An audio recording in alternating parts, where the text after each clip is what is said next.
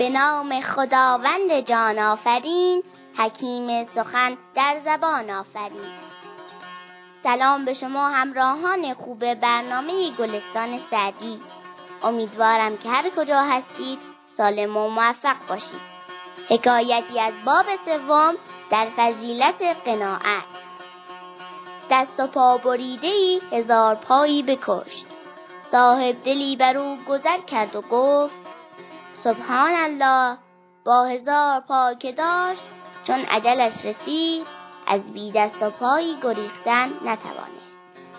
چون آید ز پی دشمن جانستان ببندد عجل پای اسب دوان. در آن دم که دشمن پیاپی رسید کمان کیانی نشاید کشید. تا برنامه بعد و حکایتی دیگر خدا نگهدار.